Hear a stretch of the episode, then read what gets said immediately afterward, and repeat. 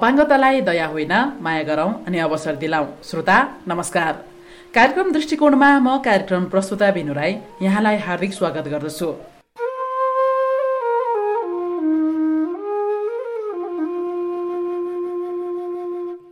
कार्यक्रम दृष्टिकोण फेम नेपालको सहयोग ओखलडुङ्गामा सञ्चालित आफ्ना फेम र ललितपुर स्थित रहेको अपाङ्गता संस्था परिलक्षितको सहकार्यमा तयार पारिएको हो।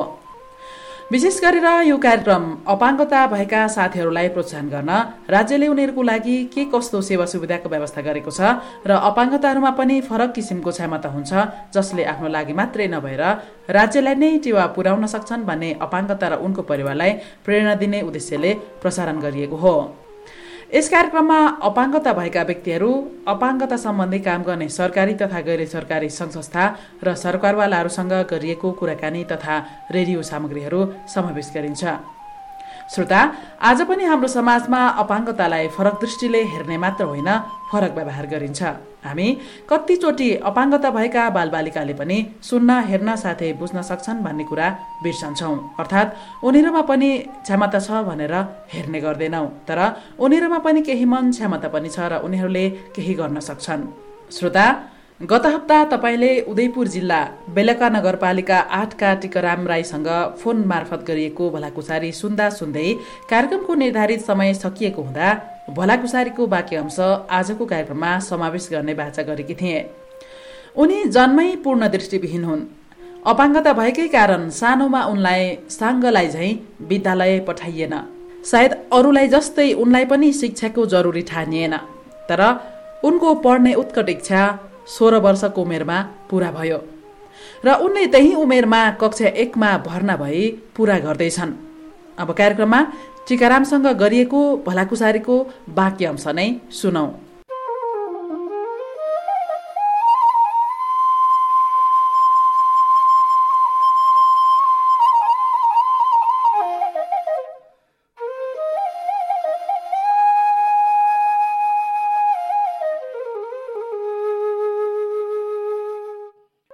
समाजले चाहिँ अपाङ्गता भएकाहरूलाई कसरी हेरिदिए हुन्थ्यो भन्ने खालको तपाईँलाई लाग्छ?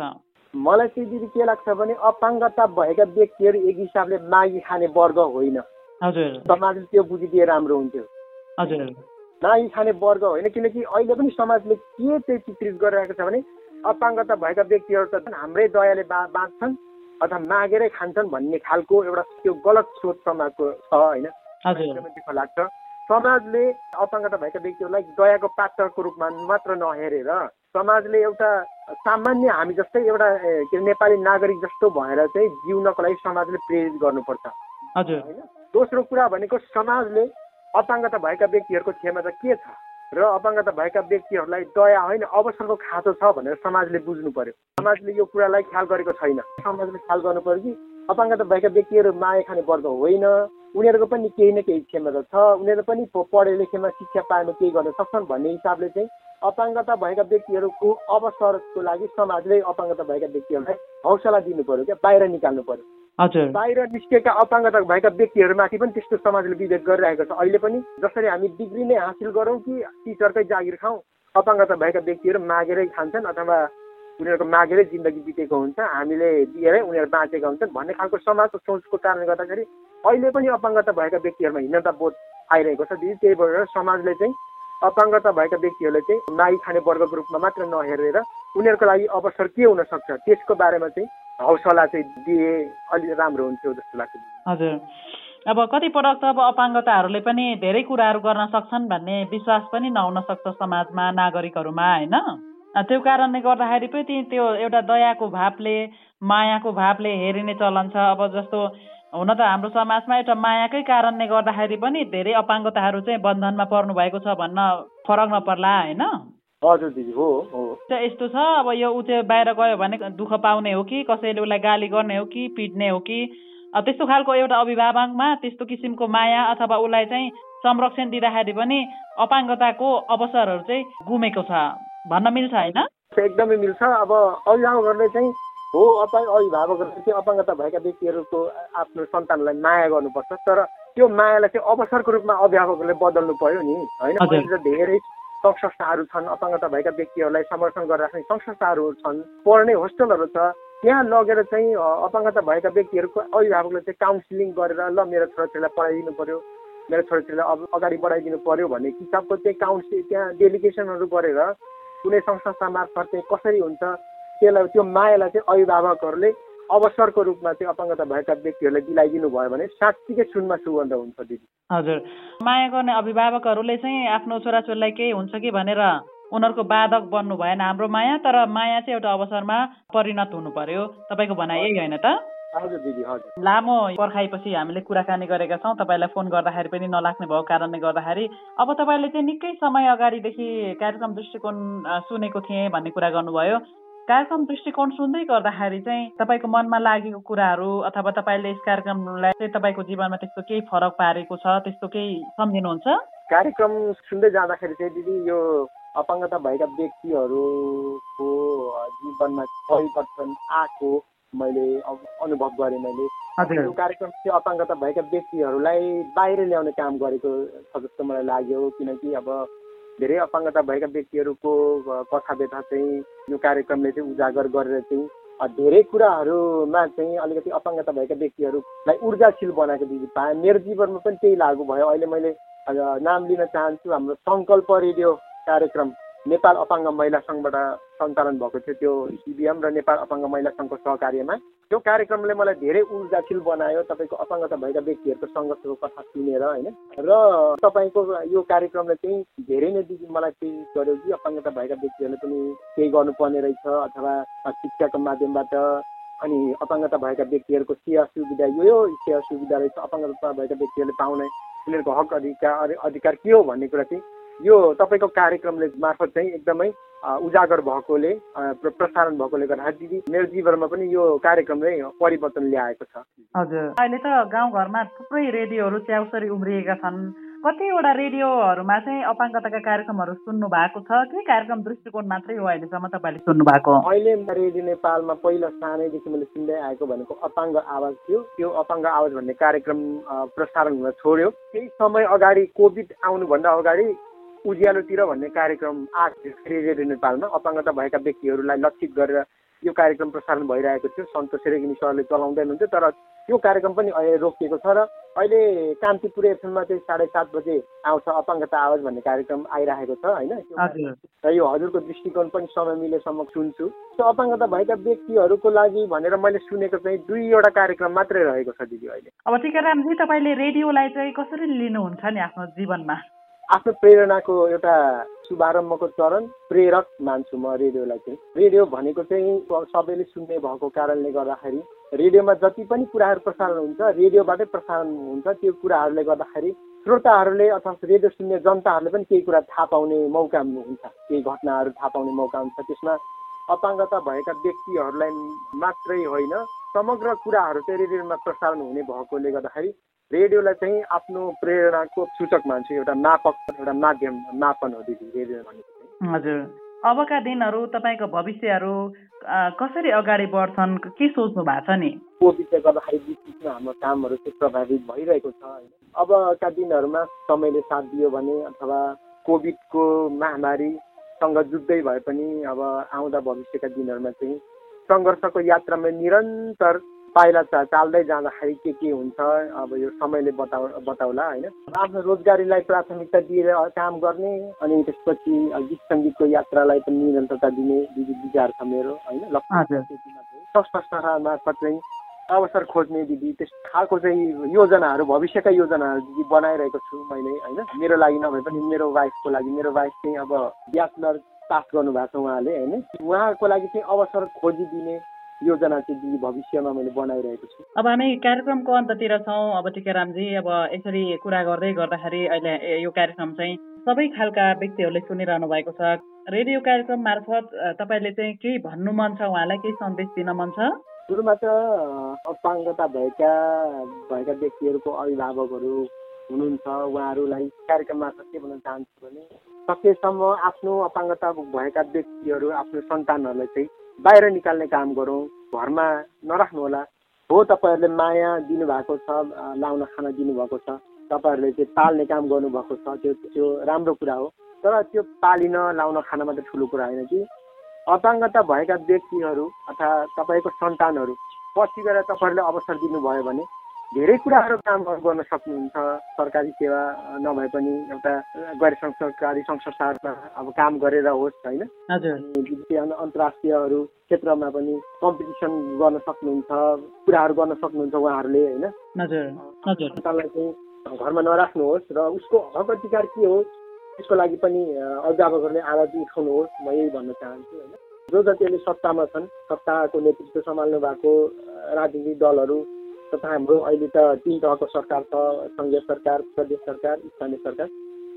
सरकार र प्रदेश सरकारका जनप्रतिनिधिहरूलाई म के आग्रह गर्न चाहन्छु भने तपाईँहरू हदैसम्म अपाङ्गता भएका व्यक्तिहरूको सेवा सुविधाको लागि तपाईँहरूले पहल गर्नुहोस्। हाम्रो लागि केही कुराहरू हक अधिकारहरू दिलाउनको लागि तपाईँहरूले पहल गर्नुहोस्। र तपाईँहरूले सकेसम्म अपाङ्गता भएका व्यक्तिहरूलाई अवसर दिनुहोला।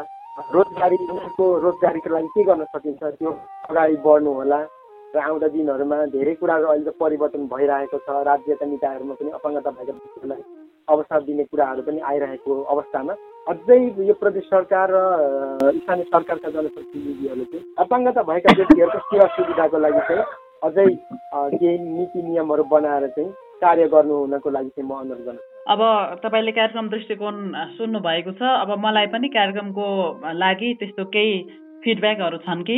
धेरै धेरै धन्यवाद दिन चाहन्छु। आज समय एकदमै बल्ल बल्ल कुराकानी भएको छ। तपाईँको कार्यक्रम मार्फत मेरो कुराहरू राख्ने अवसर दिनुभएको छ।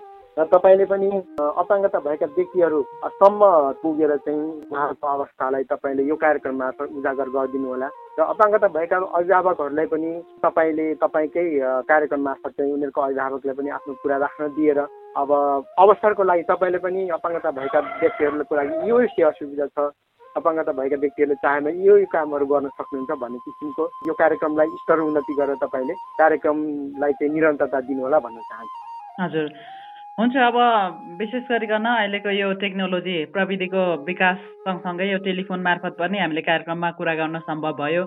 मैले तपाईँलाई देखेको छुइनँ तपाईँले पनि मलाई देख्नु भएको छैन तर कार्यक्रममा कुराकानी गऱ्यौँ एकदमै खुसी लागेको छ। हुन्छ अब जाँदा जाँदै हाम्रो रेडियो सुने श्रोताहरूलाई फेरि एउटा मिठो गीत सुन्दै बिदा हौँ क्यारे। हुन्छ दिदी म एउटा गीत गाउन चाहन्छु। यो गीत चाहिँ पुरानो गीत हो। नेपाली नागरिक जो विदेशमा जान्छ उसले धेरै दुःख पाउँछ होइन? उसले धेरै दुःख पाइसकेपछि उसको घर परिवार अथवा उसको आमा बुवालाई चाहिँ त्यो नेपाली नागरिकले भन्छ घर फर्की आउँदैछु विदेशमा बसेर चाहिँ मेरो धोको पुग्यो। विदेशले मलाई चाहिँ मेरो धोको पुर्यायो म चाहिँ देशमा आएर केही गर्न चाहन्छु भन्ने किसिमको एउटा भावको गीत छ होइन? सर्वहारा वर्गको लागि बनाइएको गीत हो एउटा एउटा गरिब व्यक्तिको जीवन कथामा आधारित रहेर बनाइएको गीत। उसले भोगेका कुराहरूलाई चाहिँ व्यक्त गरेर यो गीत बनाइएको छ होइन? गाइएको छ। हजुर। यो गीत चाहिँ म सुनाउन चाहन्छु। यो गीत चाहिँ हाम्रो जेबी टुरे ज्यूले गाउनु भएको छ है?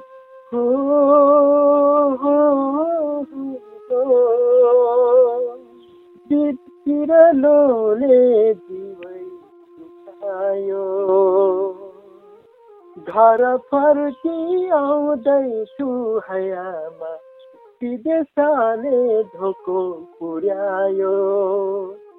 घर फर्की आउँदैछु हयामा विदेशले धोको पुर्यायो। महिनौ बित्यो वर्षौँ बित्यो विदेशमा रहेर कति वर्षौँ सामन्तको अत्याचार सहेर।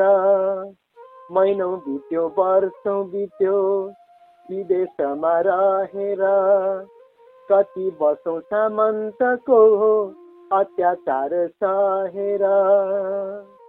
तर आज दुःखमाथि अरू दुःख थपियो विदेशले धोको पुर्यायो। घर फर्की आउँदैछु हयामा विदेशले धोको पुर्यायो। धन्यवाद धेरै धेरै धन्यवाद यो मिठो गीतको लागि तपाईँको बाक जीवन यात्रा तपाईँको साङ्गीतिक यात्रा तपाईँले सोचे जस्तै सफलतामा पुगोस्। तपाईँको जीवन चाहिँ त्यो प्रेरणाको स्रोत बनोस् म कामना गर्छु। अब आजलाई चाहिँ कार्यक्रमबाट छुट्टिन्छौँ है त। हुन्छ दिदी धन्यवाद र हजुरको यो कार्यक्रममा फेरि पनि अरू नयाँ थप कुराहरू मैले केही कुराहरू गर्न सकेछु केही प्रगति गरेछु भने हजुर सामु ती कुराहरूलाई पनि फेरि राख्ने वाचा गर्दै म बिदा चाहन्छु। धन्यवाद।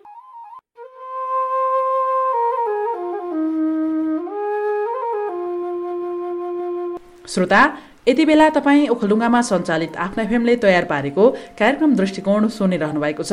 भर्खरै सुन्नुभयो उदयपुर जिल्ला बेलका नगरपालिका आठका टिकाराम राईसँग फोन संवादमा गरिएको भलाकुसारी। टिकारामसँगको भलाकुसारीबाट हामीलाई पनि खुसी मिलेको छ।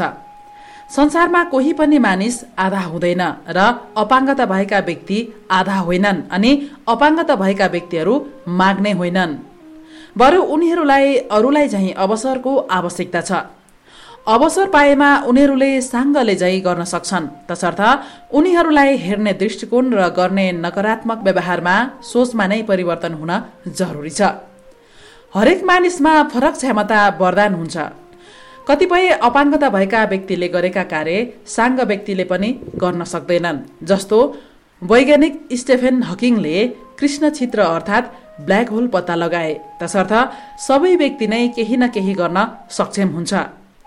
त्यसको लागि इच्छा शक्ति लक्ष्य उद्देश्य चाहिन्छ र अवसर पाउन पर्छ। त्यसैले संसारका हरेक व्यक्तिले हिम्मत नहारौँ बरु कसले के गर्न सक्छौँ कसमा के कुराको क्षमता छ र हेरेर एक्लै अर्कालाई सहायता पुर्याऊ अन्तमा टिकारामको त्यो हरफलाई स्मरण गर्न चाहे अपाङ्गता भएका व्यक्तिहरू माग्ने होइनन् माग्ने जस्तो नसम्झिदिनुहोस्।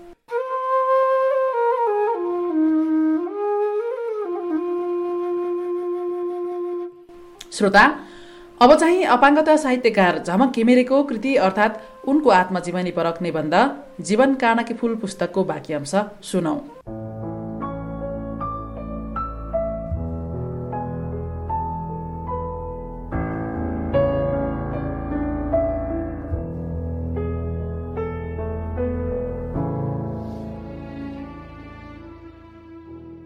जातीय विभेदहरूबीच म हजुरआमा बितेपछि यही परम्पराको बिडो थाम्ने मेरा बाबा आमा त्यति कठोर बन्न सकेका थिएनन्।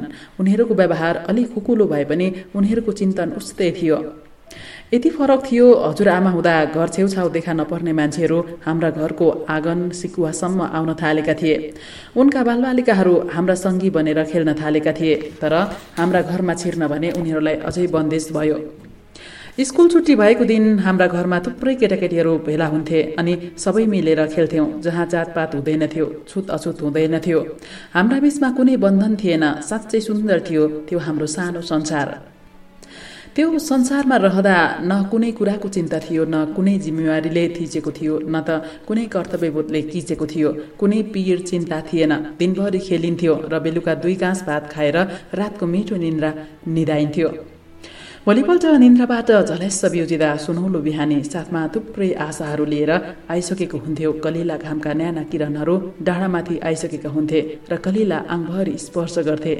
कलिला मनका सपनाहरू त्यसैसँग ढकमक्क फुल्ने गर्थे। केटाकेटीपनको त्यो रमाइलोपन सम्झिँदा अहिले पनि मलाई मिठो अनुभूति हुन्छ। स्कुल छुट्टी भएको दिन हाम्रा घरमा केटाकेटीहरू जम्मा मेरै कारणले हुन्थे किनभने म घरभन्दा पर कतै गएर खेल्न सक्दिनथे।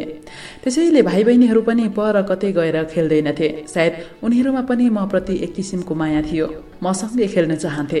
उनीहरूले बटुल्थे केटाकेटीहरू र हामी मिलेर लुकामारी नानी बनाई खेल्थ्यौँ। बाबा आमा घरमा बसिरहँदैनथे घरकी ठुली मान्छे भनेको म हुन्थे।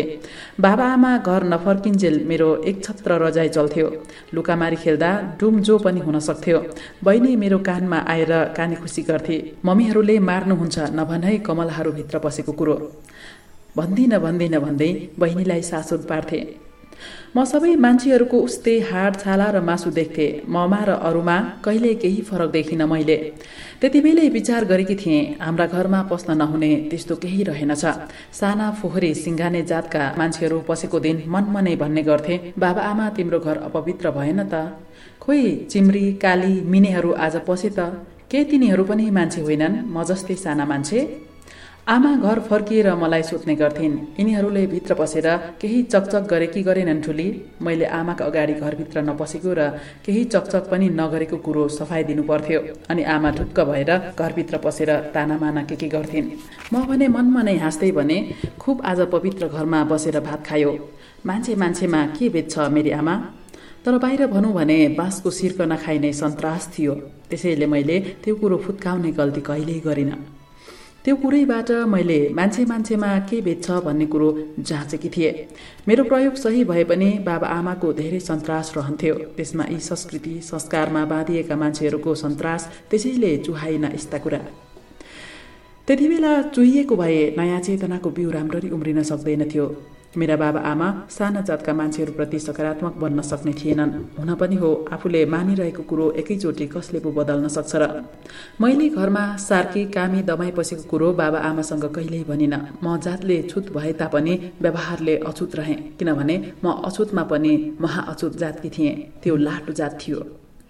लाटो जातलाई एउटा सानो कोठाभित्र थुनेर राखिन्थ्यो जसलाई बाहिरी दुनियाँसँग घुलमिल हुने अधिकारै थिएन जसलाई देख्दा दुनियाँका मान्छेहरूको शुभ सायद पर्दैन थियो। तर मेरो परिवारले यस सन्दर्भमा चाहिँ अलिकति उद्धारता नै राख्यो। मलाई कहिले पनि थुनेन बाहिर निस्कन नदिने काम गरेन। त्यसैले त मैले दुनियाँसँग अलिकति भए पनि घुलमिल हुने मौका पाएँ। उच्चो र निचो व्यवहारलाई म जरैदेखि उखेल्न चाहन्थे। मैले जरा त उखेल्न सकिनँ तर आफ्नो व्यवहारमा भने कहिल्यै यस्ता कुराहरूलाई आदर्श ठानेर लागू गरिन। मैले एक दिन एउटा सानो जात भनिने मान्छेको काम गर्दा पसिलाले हातका औँला काटेर रातो रगत बगेको देखेँ। त्यस्तै अर्को दिन मेरी आमाको कचियाले घाँस काट्दा हातका औँला काटेर उस्तै रगत बगेको देखेँ। आखिर हाड छाला मासु उस्तै रातै र पनि मान्छेहरू मान्छे मान्छेमै फरक किन देख्छन्? हामीमध्ये कोही चुच्चा हौला कोही थेप्चा कोही होचा कोही अग्ला फरक जात भाषा संस्कृतिका हौला। सबै मानव जाति हौ धरती साझा आकाश साझा पानी साझा वायु साझा हो भन्ने किन बुझिरहेका छैनौँ हामीले? मान्छे मान्छेमा कुनै भेद कुनै देश ईर्ष्या नभइदिएको भए यो संसार कस्तो सुन्दर हुन्थ्यो होला। म अहिले मनमा नै कल्पना गरिरहेछु। आहा त्यस्तो दुनियाँ भए कति जाति हुँदो हो।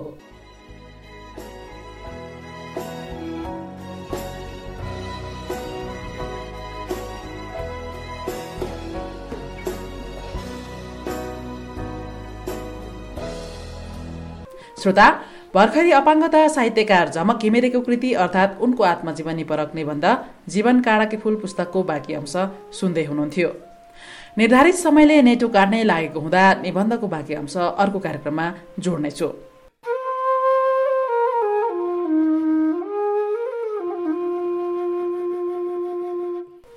यसरी नै आवाजविहीनहरूको आवाज बुलन्द गर्न र अपाङ्गताको हकितका लागि कार्यक्रम दृष्टिकोण प्रसारण गरिरहेका छौँ। आजको बसाई तपाईँको लागि पनि उत्साह र जानकारीमूलक फलदायी नै भयो होला। आज हामीले असहाय अपाङ्गताप्रति समय विभिन्न प्रविधिसँगै हाम्रो मन मस्तिष्क अनि हाम्रो सोचमा परिवर्तन ल्याउन जरुरी छ। उनीहरूलाई तपाईँ हाम्रो माया अनि सहयोगको खाँचो छ। अपाङ्गताहरूलाई हाम्रो सानो सहयोग प्रेमले उनीहरूमा ठुलो परिवर्तन आउन सक्छ। यसको लागि अहिलेबाट कोसिस गरौँ भन्दै श्रोता अब पनि मैले पनि कार्यक्रमबाट बिदा लिने बेला भएको छ। जाँदा जाँदै आजको बसाई तपाईँलाई कस्तो लाग्यो? मलाई भन्न नबिर्सनुहोला साथै कार्यक्रमको बारेमा तपाईँको सुझाव पनि दिनुहोला जसको लागि ठेगाना हो। कार्यक्रम दृष्टिकोण आफ्ना फेमिक्स चार थुप्लो आठ मेगा हर्स सिद्धिचारा नगरपालिका एघार ओखलडुङ्गा कमरे डाँडा पानी ट्याङ्के। साथै अहिले तपाईँले सुनिरहनु भएको रेडियो स्टेसनमा पनि पत्र पत्रचार गर्न सक्नुहुनेछ। तपाईँले सिधै परिलक्षित संस्थाको टेलिफोन नम्बर शून्य एक पचास दस सात सय तिस र शून्य एक पचास दस पाँच सय तेइसमा बिहान दस बजेदेखि पाँच बजेसम्म फोन गरेर संस्थाले प्रदान गर्ने सेवा सुविधाको बारेमा जानकारी लिन सक्नुहुनेछ। त्यस्तै मेरो मोबाइल नम्बर अन्ठानब्बे बयालिस नौ डबल पाँच छ डबल तिनमा फोन गरेर कार्यक्रमको बारेमा आफ्नो सल्लाह सुझाव दिनुहुन अनुरोध गर्दछु। श्रोता अब कार्यक्रम दृष्टिकोणमा भने अर्को हप्ता यस्तै जानकारी र प्रेरणामूलक कार्यक्रम लिएर आउने नै छु। आजलाई म तपाईँको कार्यक्रम सयात्री बिनु राई ओझेल पर्न चाहन्छु। नमस्कार।